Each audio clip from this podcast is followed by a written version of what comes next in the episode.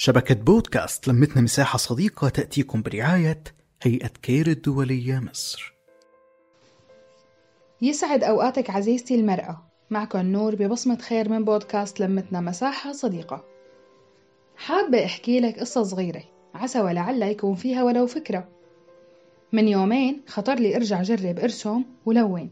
بعد سنين طوال من أمومتي. كيف وليش؟ ما بعرف. يلي بعرفه شي واحد بس. هو إنه ما في شي اسمه صدفة وراحت. في أشياء بتتسمى تحت بند إعادة ذكريات الطفولة أو مرحلة الوعي أو النضج الروحي. وفينا كمان نحط أي مسميات من يلي بنمرق فيها بمشوار الحياة.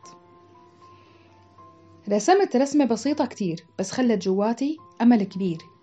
أول ما مسكت فرشايتي حسيت بفرحة الطفل يلي ما بيعرف يرسم وأبدع. بس بدي إلكن سر صغير بمجرتنا الكبيرة.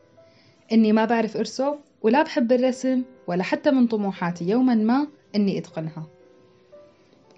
بس لما رسمت بحب كانت أحلى تحفة بحياتي. قررت إني أتعامل من هالمنطلق بأيامي الجاي. مو بالضرورة كل شي نتقنه بس ضروري نجربه ونحاول نعرف شو معلوماتنا عنه.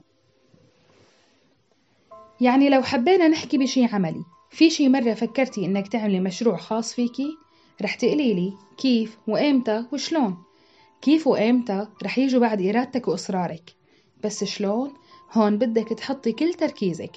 شوفي نقطة قوتك وين بأي مجال وادعميها. تابعي قصص الناجحين وكيف تخطوا الصعوبات.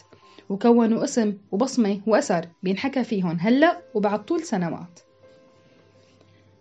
إنه يكون إلك مشروع عم يكبر قدامك مثل طفلك. هذا بحد ذاته دافع لحتى تكملي وتكوني مثال للمرأة الطموحة. البداية رح تكون صعبة كتير وبدها وقت وجهد وقوة. بس انت قدها وقدود. ولا تفكري بالفشل لأنه رح يكون وراء إطلالة رائعة بدون حدود. وتصبحي على خير وحب وفرح وباقة مليانة ورود. نحكي نتشارك نتواصل.